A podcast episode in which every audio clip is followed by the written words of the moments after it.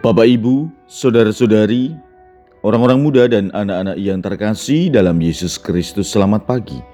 Salam bahagia dan salam seroja untuk kita semua, berkah dalam. Bersama dengan saya, Romo Antonius Garbito Pambuaji, menyampaikan salam dan berkat Allah yang Maha Kuasa dalam nama Bapa dan Putra dan Roh Kudus. Amin.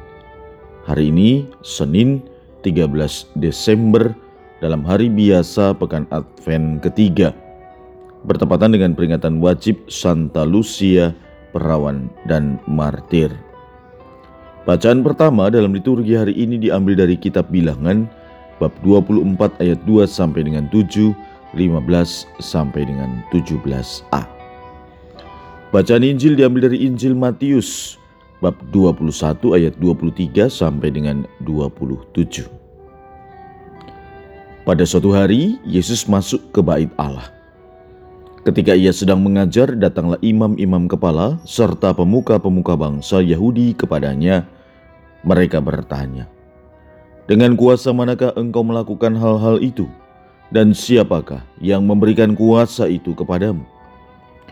Jawab Yesus kepada mereka, "Aku juga akan mengajukan satu pertanyaan kepadamu, dan jika kalian memberi jawabannya, Aku pun mengatakan kepada kalian dengan kuasa manakah aku melakukan hal-hal itu. Nah, dari manakah pembaptisan yang diberikan Yohanes? Dari surga atau dari manusia? Mereka lalu berunding satu sama lain. Jikalau kita katakan dari sorga, ia akan berkata kepada kita, "Kalau begitu, mengapa kalian tidak percaya kepadanya?" Tetapi jika kita katakan dari manusia, kita takut kepada orang banyak, sebab semua orang menganggap Yohanes ini nabi. Mereka lalu menjawab, "Kami tidak tahu." Maka Yesus pun berkata kepada mereka, "Jika demikian, aku pun tidak mau mengatakan kepada kalian dengan kuasa manakah aku melakukan hal-hal itu." Demikianlah sabda Tuhan, terpujilah Kristus. Kalau kita membaca sabda Tuhan yang mengisahkan bagaimana Yesus berhadapan dengan para ahli Taurat, orang-orang Farisi, pemimpin bangsa Yahudi, yang datang kepadanya dengan pertanyaan untuk mencobai dia, sering kali Yesus menjawab pertanyaan dengan pertanyaan, atau menjawab pertanyaan itu dengan perumpamaan. Sebab jelas, beberapa dari pertanyaan-pertanyaan yang diajukan itu bermaksud untuk menjebak atau menguji Yesus. Saudara-saudari yang terkasih, hari ini mereka bertanya kepada Yesus tentang apa yang dibuat oleh Tuhan itu berasal dari kuasa mana? Kuasa Allah atau kuasa manusia?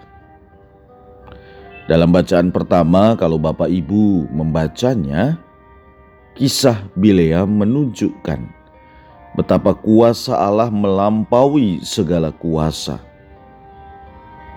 Seorang tukang tenung sakit dengan mudahnya diubah menjadi pengucap berkat bagi Israel. Dalam kehidupan kita, menentukan dari mana sebuah kuasa datang bukan perkara mudah tetapi dari kisah Bileam dan Yesus, ada sebuah benang merah yang menegaskan bahwa kuasa Allah itu menghadirkan berkat, kesembuhan, dan pembebasan. Inilah karakter kuasa Allah yang membedakan dari kuasa jahat. Pertanyaan refleksi untuk kita dalam kehidupan ini, mana yang kita hadirkan?